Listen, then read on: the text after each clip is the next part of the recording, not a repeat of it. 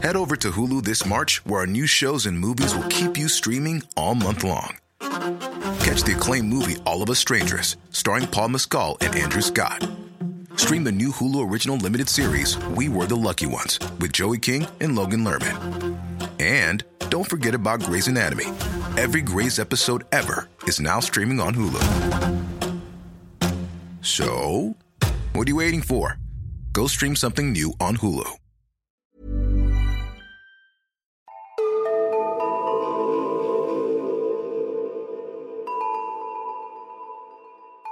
Hej och välkomna till Nära ögat, en true crime-podd för mesar. Mitt namn är Alexandra Kensdottir. Och mitt namn är Amelia Ingman och eh, välkomna till våran podd. Nära ögat är ju som sagt en true crime-podd för mesar och det innebär att vi pratar om verkliga brott och händelser där eh, huvudpersonen överlever. Så vi försöker lyfta offrens berättelser och inte fokusera på mord. Så det är lite kort vad vårt koncept är. Bra beskrivet. Ni får jättegärna följa oss på Instagram där vi heter Nära ögat podd. Ja, har du något mer du vill tillägga? Så? Ja, glöm inte att eh, såklart gilla, dela och prenumerera på vår podd. Just det. Och eh, har du lust att börja idag? Ja, Okej, det har jag. Okej, men då tycker jag att du kan köra igång. Yes, nu kör vi. Idag kommer jag att berätta om eh, Chris Lemons. Har du hört om honom? Nej, känner jag inte igen. Jag blev eh, tipsad eh, om en dokumentär. Så det är min eh, främsta källa idag och den heter Last Breath och finns att se på Netflix. Sen så har jag även tagit lite information från en artikel från BBC och även Wikipedia såklart. Jag ska berätta vad som hände Chris den 18 september 2012. Men först lite bakgrund. Chris bor i Edinburgh med sin fästmö Morag. Han jobbar som mättnadsdykare och det är att man jobbar på djupet på havsbotten. Och det innebär att man under en lång tid måste vara under samma tryck som det trycket som är på um, havsbottnen. Så dykaren transporteras mellan arbetsplatsen på havets botten och dykfartyget i en sån här dykarklocka. Och sen så lever man i en tryckkammare på fartyget så att man behåller samma tryck som det är på 100 meters djup. Okej. Och på så vis så behövs bara en enda långsam anpassning till normalt eh, lufttryck göras istället för att man gör det flera gånger. Så att så istället för att de ska behöva anpassa sig till trycket flera gånger så gör man det en gång och sen så befinner man sig under det trycket även uppe i fartyget. Tills jobbet är klart. Precis. Okej. Och dykarna brukar bo i tryckkammaren i 28 dagar i taget. Och där är det 10 gånger mer tryck än vad det är i vanliga fall. Så att det ska vara samma tryck som det är på 100 meters djup. Och det är bland annat så här helium i den luften. Eh, vilket jag hör att alla de så här går runt och pratar med pipig röst i 28 dagar.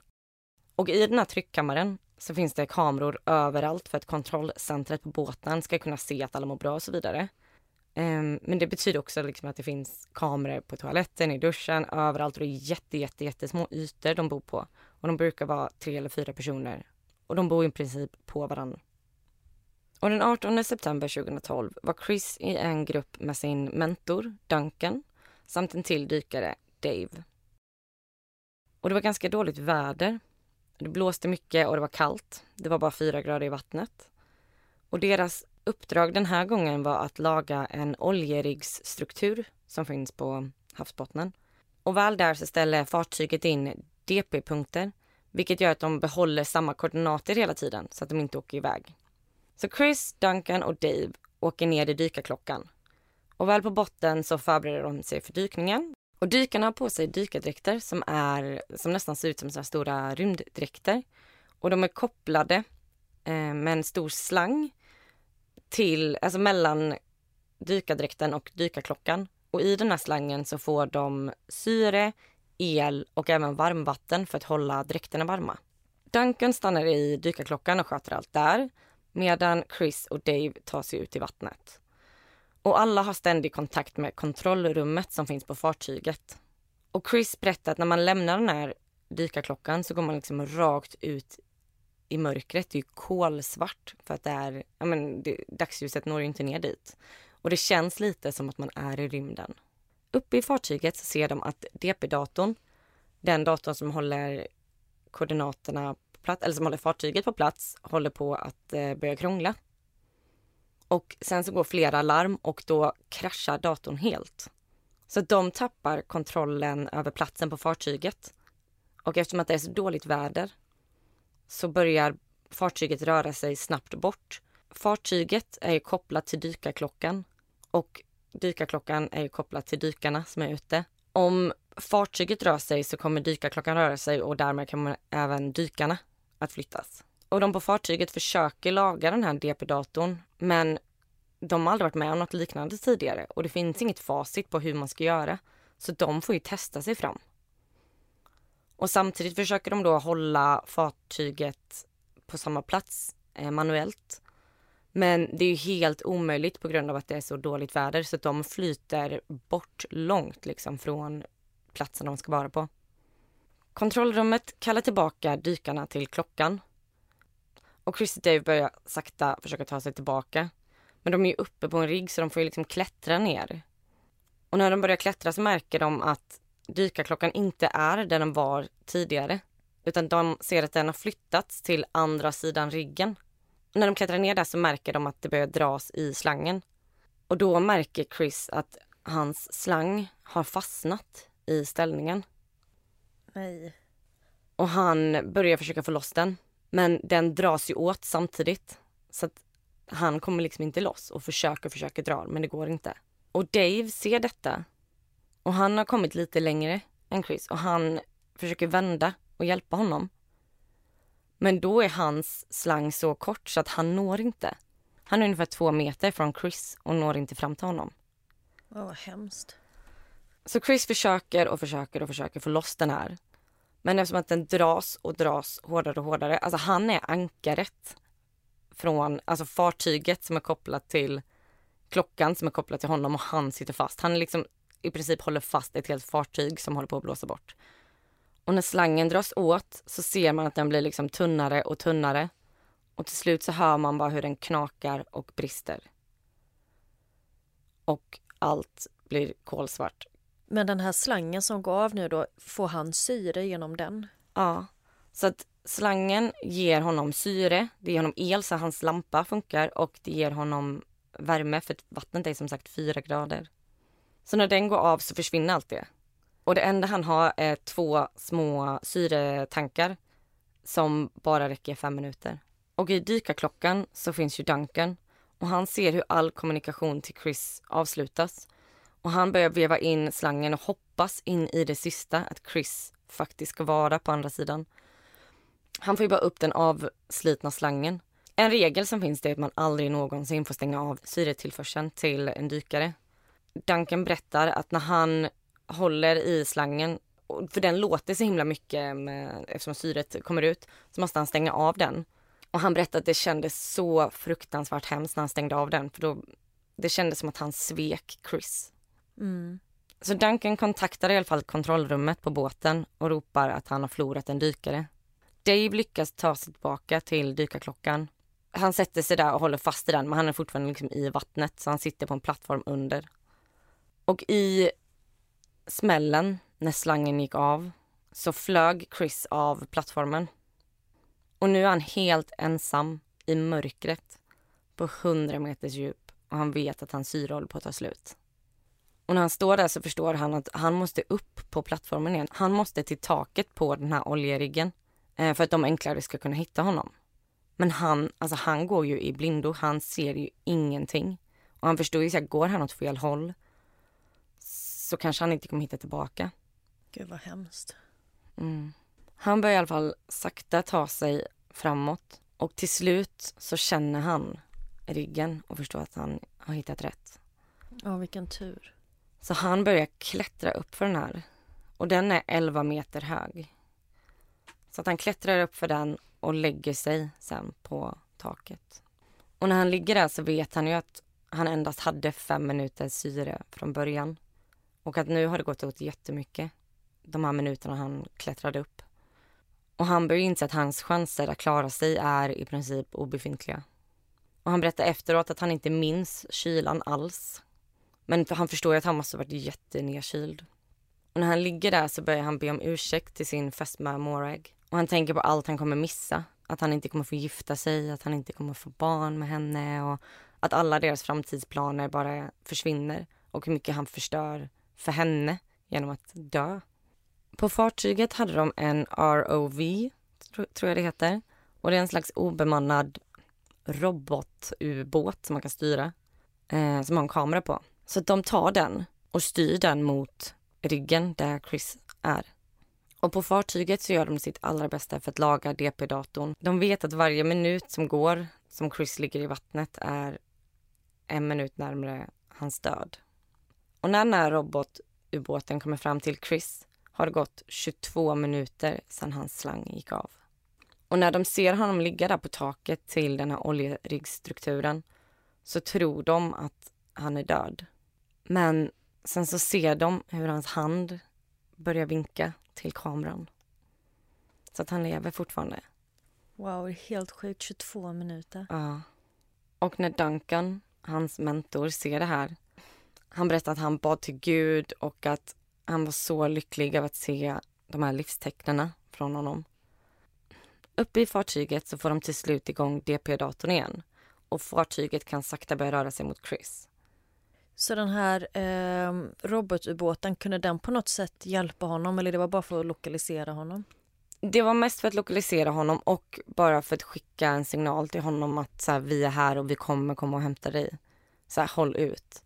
När fartyget är tillräckligt nära så tar den andra dykaren Dave och skyndar sig mot Chris.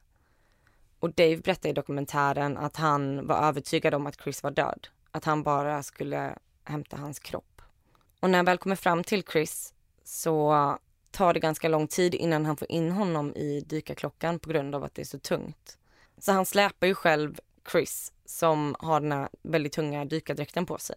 Men han kämpar och sliter och lyckas till slut få upp honom i dykarklockan. Och då har det gått 36 minuter sedan slangen gick av. Och Duncan tar emot Chris och sliter av honom dykarhjälmen. Och han påbörjar hjärt och lungräddning. Och efter han har gett honom två djupa andetag så vaknar Chris till. Helt sjukt. Och Duncan tror, alltså han tror inte att det är sant. Men man visste ju inte heller, alltså hur, även om han vaknar så visste man inte om han, hans hjärna hade påverkats eller om liksom, det hade blivit några bestående skador. Det tar inte många minuter innan Chris sitter upp och liksom är vaken och är med. Och när Dave tar sig in i dykarklockan så fattar han ingenting. Han trodde ju att han bar Chris kropp. Mm. Och sen mm. så visar det sig att Chris har faktiskt vaknat, att han lever. Vilken känsla det måste vara för alla. Ja men alltså ingen förstod någonting. De var ju nästan säkra på att han skulle vara död. Ja, men alltså hur är det ens möjligt? Fem minuter syre, hur länge sa du? 36, 36 minuter? minuter. Ja, nej det är, det är helt sjukt. Det känns som jag alltid säger att allting är helt sjukt men det är ju helt sjukt. ja men det här är faktiskt helt sjukt. Ja. Men hur klarade han sig? Nej men han klarade sig helt utan bestående men. Och han fick ju direkt vård på fartyget. Men han, han som vårdade honom på fartyget, han är ju så här, han är ju van med liksom små skador. Han var liksom inte van att vårda någon som liksom har varit på botten i 36 minuter. Han var ganska orolig och kollade liksom pulsen hela tiden när Chris somnade och så här, lever han och håller på. Och um, då berättade han också att Chris tog tag i honom, typ tog hans hand och så sa han att det kom inte ont. Han bara, det var som att, som att man bara somnade. Och, och, han menade liksom så att man behöver inte vara rädd för döden.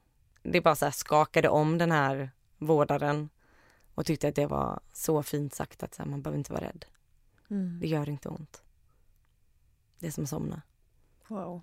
Och Chris blev ju som sagt helt återställd. Och efter bara tre veckor så var han ute och dök igen med Duncan och Dave det som är så väldigt fint är att allt det han låg och tänkte på på havsbottnen att, som han trodde att han skulle missa fick han sen göra. Han fick gifta sig med sin Morag. och de fick en dotter tillsammans.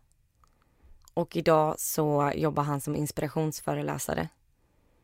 Speciellt så för andra dykare men också så när det kommer till att möta döden. Och det var historien om Chris Lemons.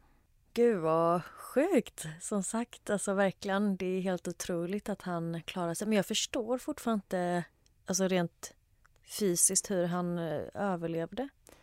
Alltså, det är knappt någon som vet, men de tror att det kanske var för att det var så kallt. Alltså att kroppen, alltså hjärtat slår långsammare, man liksom ja, men nästan går i det. Alltså när det blir så pass kallt så kan man tydligen överleva längre. Ja, det är helt otroligt. Och det sjuka är, han berättade att han så här, han minns typ allt. Och han tyckte själv så att han var ganska klartänkt när han var där nere. Men att han minns inte överhuvudtaget att det var kallt, att han frös. Mm. Vilket han borde gjort för att det var liksom fyra gradigt vatten. Ja, verkligen. Man tänker att det ska vara fruktansvärt och ja, men alltså fruktansvärt kallt. Mm. Och jag känner lite så här, jag, jag bara, det här är mitt andra havsäventyr här som jag har tagit upp i podden. Jag pratade ju om eh, islänningen Gulli i avsnitt två. Men jag tror att det, det, är någonting med det här mörka vattnet som skrämmer mig väldigt, väldigt mycket. Och kanske därför man är lite fascinerad och... Ja men verkligen alltså. Verk jag håller med. Jag tycker det känns så ja, men, obehagligt. Tanken av att det skulle hända en själv är ju... Nej, jag vill men, inte ens föreställa mig det. Tanken att vara ensam, alltså att det är helt kolsvart och att du är på havets botten, du är hundra meter ner. Men också som du sa innan, typ att tar man ett steg åt fel håll så är man körd. Ja. Och det, det, är också så skrämmande. Ja, ja, nu är jag supertaggad på att höra ditt fall. Okej, okay. det blir lite långt idag men uh, vi kör. Ja men kul. Jag ska prata om tre vänner som heter Peyton, Morgan och Anissa. Och uh, mina källor är ABC News, en dokumentär från HBO och Wikipedia. Låter namnen bekanta? Nej, inte alls. Jag är ganska säker på att du kommer känna igen det här fallet. Men eh, avbryt mig om du, om du har någonting du vill inflika. Okej, spännande. Så det är den 30 maj 2014 i en liten stad i Wisconsin, USA. Det börjar bli kväll och Peyton låter nu göra sig redo för att träffa hennes vän Morgan Geiser som fyller 12 år. Tillsammans med en tredje kompis, Anissa Weir, ska de fira Morgans födelsedag och sova över hemma hos henne. Kvällen börjar med att de åker till en rullskridskohall innan de åker hem till Morgan. Och tjejerna har en mysig kväll tillsammans. De springer runt och leker och de skrattar och de hänger i källaren med sina iPads innan det är dags att gå och lägga sig. Okej, ja, jag tror jag vet vilket fall det är. Det här ja. är så bra så jag ser verkligen fram emot att höra resten. Kul! Av de här vännerna så har Morgan och Peyton känt varandra längst ända sedan dagis. Men de blev bästa vänner först när de gick i fjärde klass. Och Morgan och Anissa de lärde känna varandra i sjätte klass när de åkte samma buss till skolan. Och Morgan presenterade sedan Anissa och Peyton för varandra. Och gemensamt för de här tjejerna verkar vara att de generellt inte har så många vänner. Och Morgans mamma blev därför väldigt glad när hon träffade en ny kompis som bodde i samma område. Så Morgan och Anissa blev väldigt snabbt tajta. Och morgonen efter, lördagen den 31 maj, så äter de frukost tillsammans och bestämmer sig sedan för att gå ut och leka. Tjejerna går till en lekplats i en närliggande park. Och vad Peyton inte har någon som helst aning om att de andra tjejerna har en plan som de har tänkt utföra idag. Och på väg till lekplatsen drar Morgan upp sin tröja och visar för Anissa att hon har tagit med sig en kökskniv hemifrån som hon har stoppat i byxlinningen. Och nu är det dags för dem att döda Peyton. Alltså det här är så sjukt. Hur gamla var de nu igen? Alla tre är 12 år. Men alltså. Så efter att de har lekt ett tag så tar de med Peyton in på en allmän toalett som finns vid lekplatsen. De tänkte att det här skulle vara en bra plats eftersom det fanns en golvbrunn inne på den här toaletten.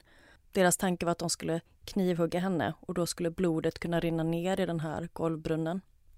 Och Anissa har läst på Creepypasta att det skulle vara lättare att döda en person som sover eller som är medvetslös.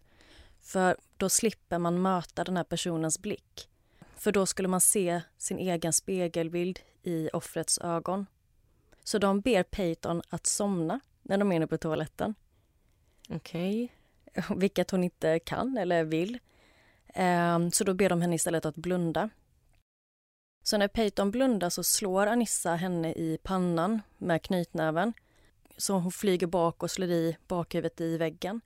Och tanken var att detta skulle göra henne medvetslös, men det funkade inte. De har kollat lite för mycket på film. Lite så, hängt i fel forum. Mm. Ehm, så Morgan ger då kniven som hon har tagit med sig hemifrån till Anissa. Men Anissa gillar inte att höra skrik så hon vill inte hugga henne. Morgan säger då, jag trodde att vi hade kommit överens om att du skulle göra det. Och under tiden så förstår inte Peyton vad det är som pågår. Men Morgan börjar få panik och hon säger att hon inte heller klarar av att göra det.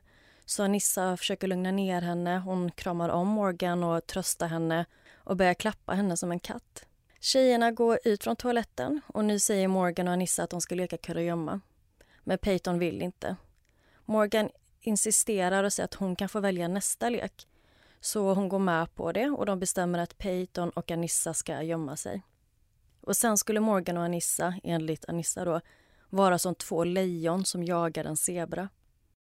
Och Anissa tar med Peyton in i skogen som ligger intill den här parken och för henne inåt bland träden. Sen börjar Morgan leta och efter en stund hittar hon dem och då ger Morgan kniven igen till Anissa och säger Jag kan inte göra det. Du vet var alla mjuka ställen är. Anissa ger tillbaks kniven och säger du får göra det. Go ballistic, go crazy. Make sure she's down.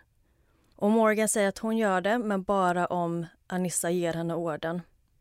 Anissa tar några steg därifrån och när hon är ett par meter bort så säger hon nu och vänder ryggen till. Morgan springer mot Peyton, tacklar henne bakifrån så att hon faller ner på marken. Peyton ligger nu på rygg och Morgan sätter sig på hennes ben och säger var inte rädd, jag är bara en liten kattunge. Sen lutar hon hennes ansikte ner mot Peytons och viskar förlåt i hennes öra. Sen börjar hon hugga.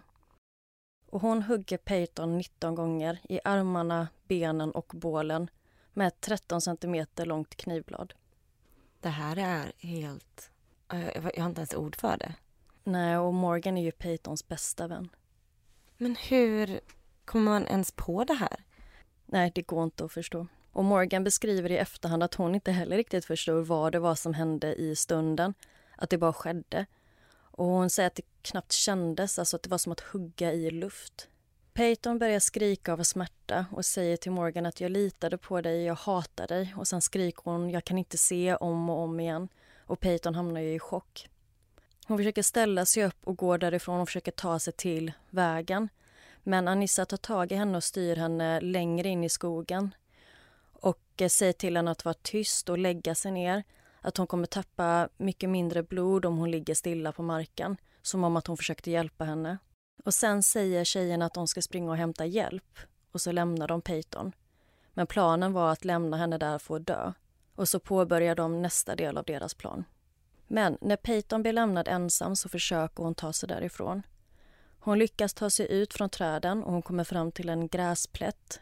Och så orkar hon inte gå mer så hon lägger sig ner där. Klockan är nu strax innan tio på morgonen och en cyklist kör förbi och ser Peyton ligga blodig i gräset och han ringer direkt 911 och berättar att han har hittat en flicka som ser knivhuggen ut. Polis och ambulans kommer till platsen och Peyton lyckas berätta att det är hennes vän Morgan som gjort det. Peyton förs till sjukhuset och polisen meddelar hennes föräldrar och mamman hinner precis fram till sjukhuset innan de ska föra in henne i operationssalen. Och läkaren säger att hade ett av huggen i bröstet varit bara en knapp millimeter djupare så hade hon inte överlevt. För då hade det träffat en artär i hjärtat. Oj! Så hon hade otrolig tur. Men polisen inleder nu en sökning efter de här två flickorna både på marken och via helikopter. Och Morgan och Anissa går till fots och målet är Nicolette National Park som är 45 minuter bort med bil. Och de är på väg till Slendermans herrgård som ska finnas gömd någonstans inne i skogen i den här parken. Och efter att ha gått i några timmar så säger Anissa till Morgan att hon har fått nog och hon orkar inte, hon vill bara åka hem. Men Morgan säger att om hon gör det så kommer hon få spendera resten av livet i fängelse. Antingen det eller så kommer hon bli avrättad. Och Anissa bryter ihop och skyller allting på Morgan. Att det var Morgan som högg Peyton och att det var hon som ville göra det. Och Morgan brukar inte vara en person som gråter men till sist då brister det för henne med. Och Morgan säger Slenderman, om du lyssnar, snälla hjälp oss. Men ingenting händer. Och medan Peyton kämpar för sitt liv på sjukhuset så söker polisen efter hennes två vänner och strax innan klockan tre på eftermiddagen så sågs flickorna. Då satt de längs med motorvägen och när de hittades har de gått i cirka fem timmar. Eh, polisen kommer till platsen för att ta in tjejerna och Anissa säger till polisen att hon var rädd. Polisen frågar vad hon var rädd för och hon sa att hon inte kunde berätta. För skulle hon göra det så skulle han tro att hon var galen. Och polisen säger att han kommer inte tycka att hon är galen. Flickorna tas in på förhör och de sitter i varsitt förhörsrum med varsin polis. De är båda väldigt lugna och avslappnade och båda tjejerna hade blodfläckar på kläderna men de verkar inte alls vara påverkade av det. I övervakningsfilmen kan man även se att Morgan nästan skuttar runt när hon är ensam i rummet och typ dansar. Så hon verkar vara helt obrydd över vad det är som har hänt. Och eh, vid den här tiden i Wisconsin så är det lagligt för polisen att hålla förhör med minderåriga utan att meddela föräldrarna eller ha en förälder närvarande. Så polisen läser upp eh, deras rättigheter och så håller de varsitt förhör som pågår i timmar. Och polisen menar att det är lättare att få barn att tala sanning om de inte har föräldrarna med sig. Båda tjejerna berättar vad som har hänt och de erkänner i stort sett allt. Men båda vännerna skyller dådet på den fiktiva karaktären Slenderman. Och vem är Slenderman? Så Slenderman är en fiktiv karaktär som skapades under en Photoshop-tävling 2009. Det var en tävling för eh, paranormala bilder i forumet Something Awful. Och historien om Slenderman byggde sedan på när det var massa fanart som skapades av olika personer och flera olika varianter av karaktären föddes. Men Slenderman är en lång, smal figur med vit hud och utan ansikte. Han bär svart kostym och kan skjuta ut tentakler ur ryggen. Och enligt myten så kan han orsaka minnesförlust, hostattacker och paranoia. Och han avbildas ofta gömd i skogsmiljöer eller att han förföljer barn. Och Slenderman har barn som sina offer och har han en gång börjat jaga ett barn så ger han sig inte. Och ett tecken på att han är efter dig är att du drömmer om honom i alla dina drömmar. Och han symboliserar skräck. Och det finns en väldigt stor fascination kring honom online.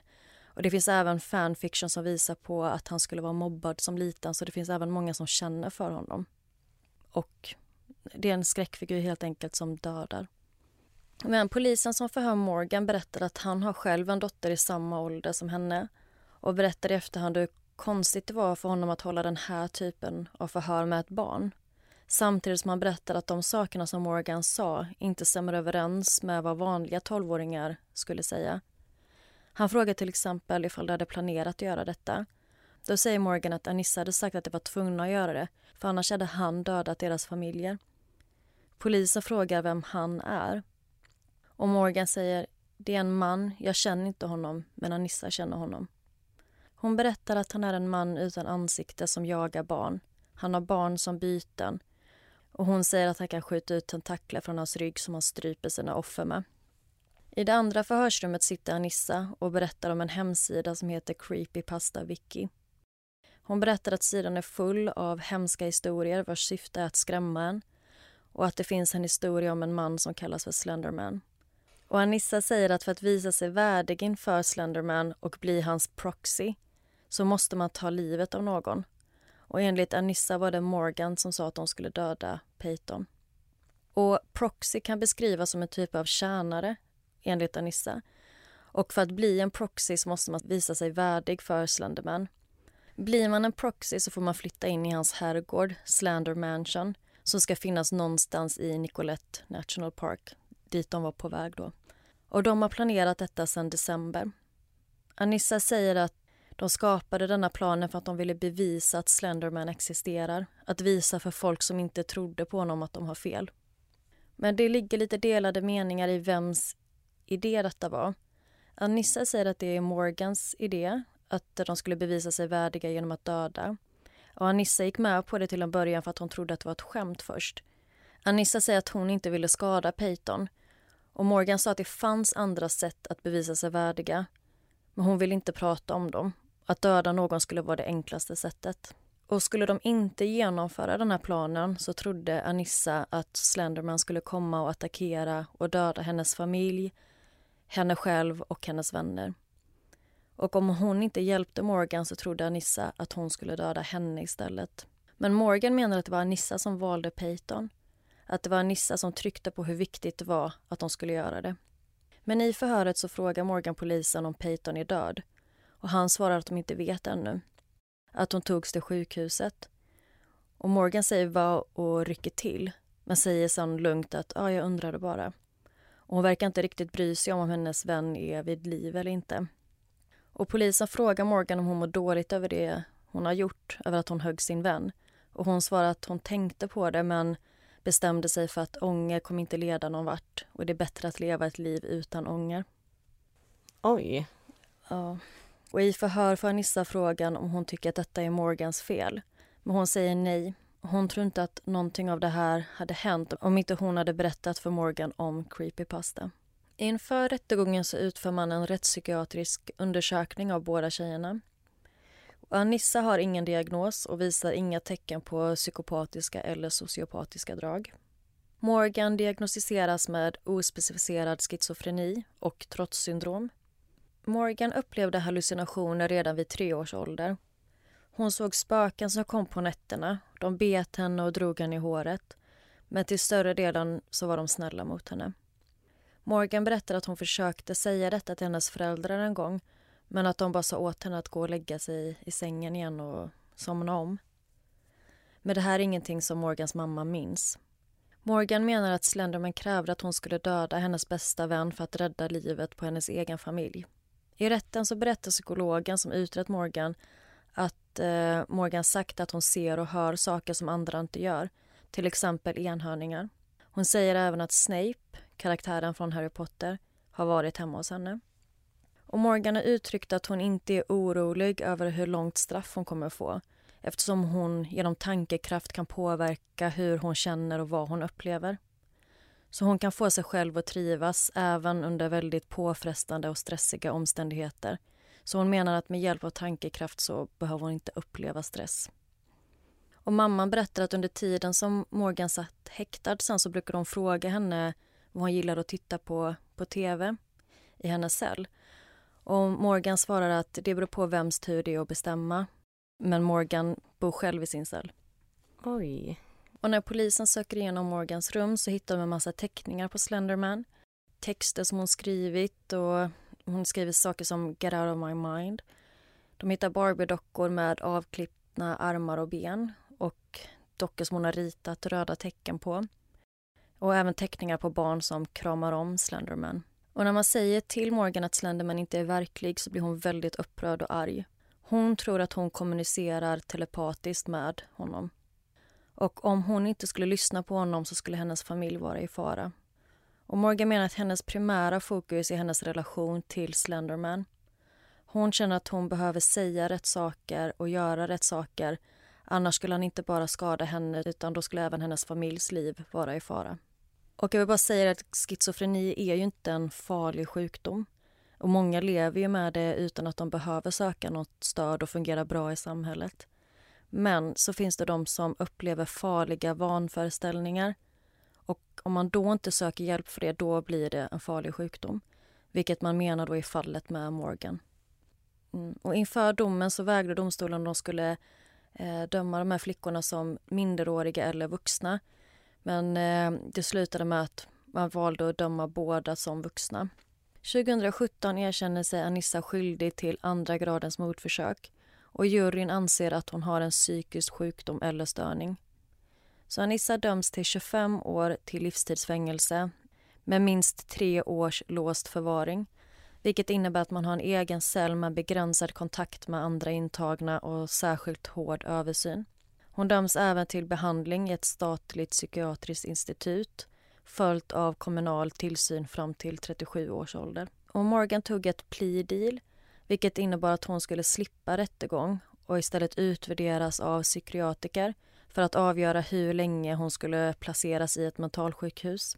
Senare erkänner hon sig skyldig och juryn anser att hon också har en psykisk sjukdom eller störning samt att hon har diagnosen schizofreni. Och Morgan dömdes till maxstraffet 40 år till livstidsfängelse och även det omfattade minst tre års låst förvaring och behandling i ett statligt psykiatriskt institut tills man inser att hon är fullständigt fri från symptom eller fram till 53 års ålder beroende på vad som kommer först. Följt av kommunal övervakning, periodiska omvärderingar och eller återinrättande och ytterligare behandling efter behov. Så det är långa straff. Ja, det är sjukt att tänka att de bara är 12 och att de inte kommer komma ut förrän de är så 53. Ja.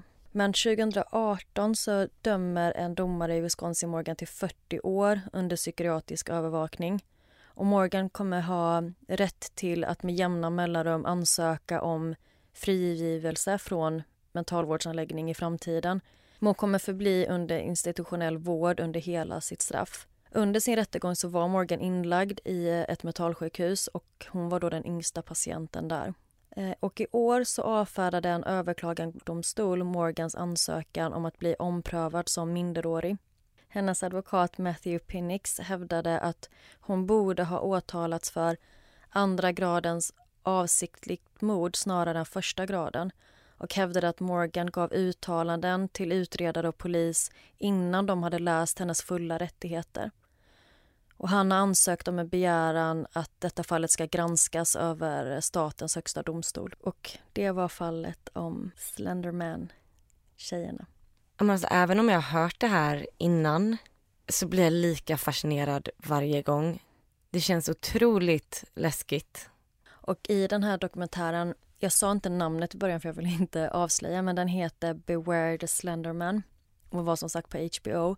Den dokumentären fokuserar mer på att förklara vilka de här flickorna var, Anissa och Morgan, snarare än att eh, fokusera på Peyton. Så det finns intervjuer med deras familjer och man får liksom en inblick i vilka de var. Men i den här dokumentären så intervjuas en kille som satt på samma ungdomsanstalt som Anissa och Morgan inför rättegången. Och han menar på att de här tjejerna, de tror genuint på att Slenderman är verklig.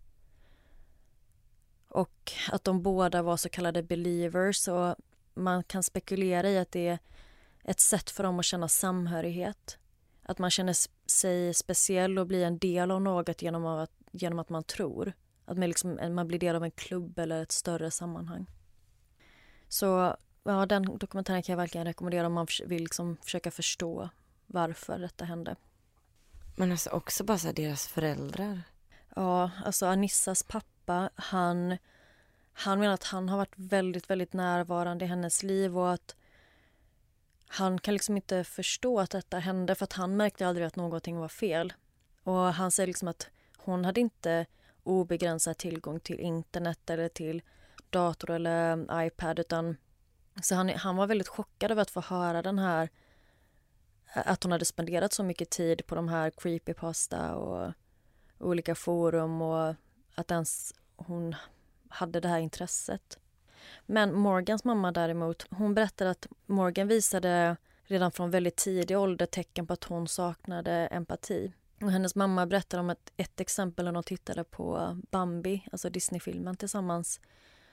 Så hade hon varit väldigt orolig inför detta för att hon tänkte att det här kommer ju vara jättejobbigt för Morgan att se. Så det är ju, man minns ju själv när man var liten och såg Bambis mamma bli skjuten. Det var ju fruktansvärt. Man satt med en klump i halsen och försökte hålla tårarna tillbaka. Ja, verkligen. Men Morgans mamma berättade att Morgan var inte alls eh, speciellt berörd av det utan hon snarare hejade på Bambi och skrek liksom spring Bambi, rädda dig själv och verkar inte alls bry sig om att mamman blev skjuten. Så det berättade hon att det var liksom ett litet varningstecken. Samtidigt som att Morgan var ganska liksom, barnslig, kanske inte är rätt ord, men liksom hon trodde på tomten och tandfen och påskharen uppe i väldigt hög ålder. Hon trodde på tomten tills hon var 11. Och mamman såg liksom inget ont i det. Hon menar liksom, vem vill att ens barn ska växa upp för fort? Och tyckte liksom att det, det gör väl ingenting att hon, hon verkar ha en livlig fantasi. Sen jag tror också att, men jag tror inte att det här gör det lättare att förstå varför de gjorde det. Men Morgans pappa har samma diagnos som Morgan och har själv upplevt eh, hallucinationer både genom syn och hörsel och känsel. Men de hade ingen aning om att Morgan hade den här diagnosen förrän de gjorde den här rättspsykiatriska undersökningen. Men de har misstänkt det. Och det känns lite som att de klandrar sig själva att de inte snappade upp de här tecknen tidigare och menar på att hon är en bra tjej. Hon är inte en ond person utan hon skulle bara fått hjälp. Ja, alltså hon måste ju ha varit så övertygad om att Slenderman var riktig. Ja, båda tjejerna var det. Skillnaden är bara att Morgan har ju då hallucinerat, alltså sett honom i hallucinationer och upplevt honom på riktigt för henne. Mm. Och de menar liksom att det är en kombination för att Morgan kände inte till Slenderman innan hon träffade Anissa.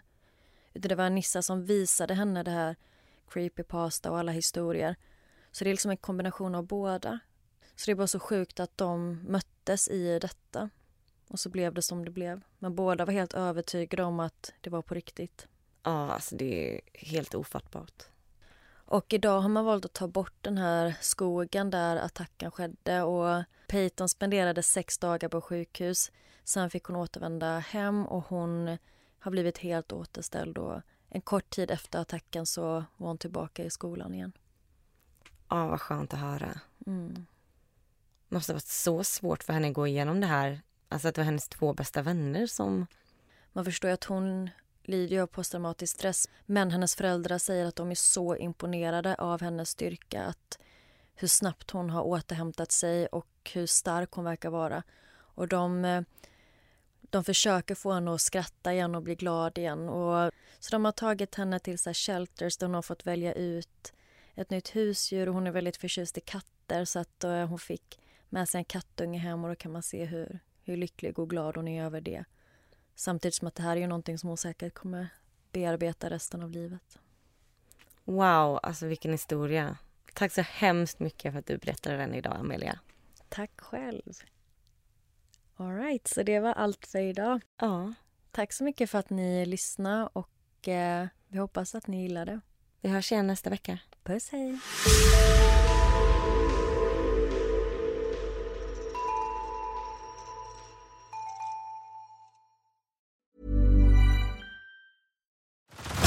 Head over to Hulu this March, where our new shows and movies will keep you streaming all month long.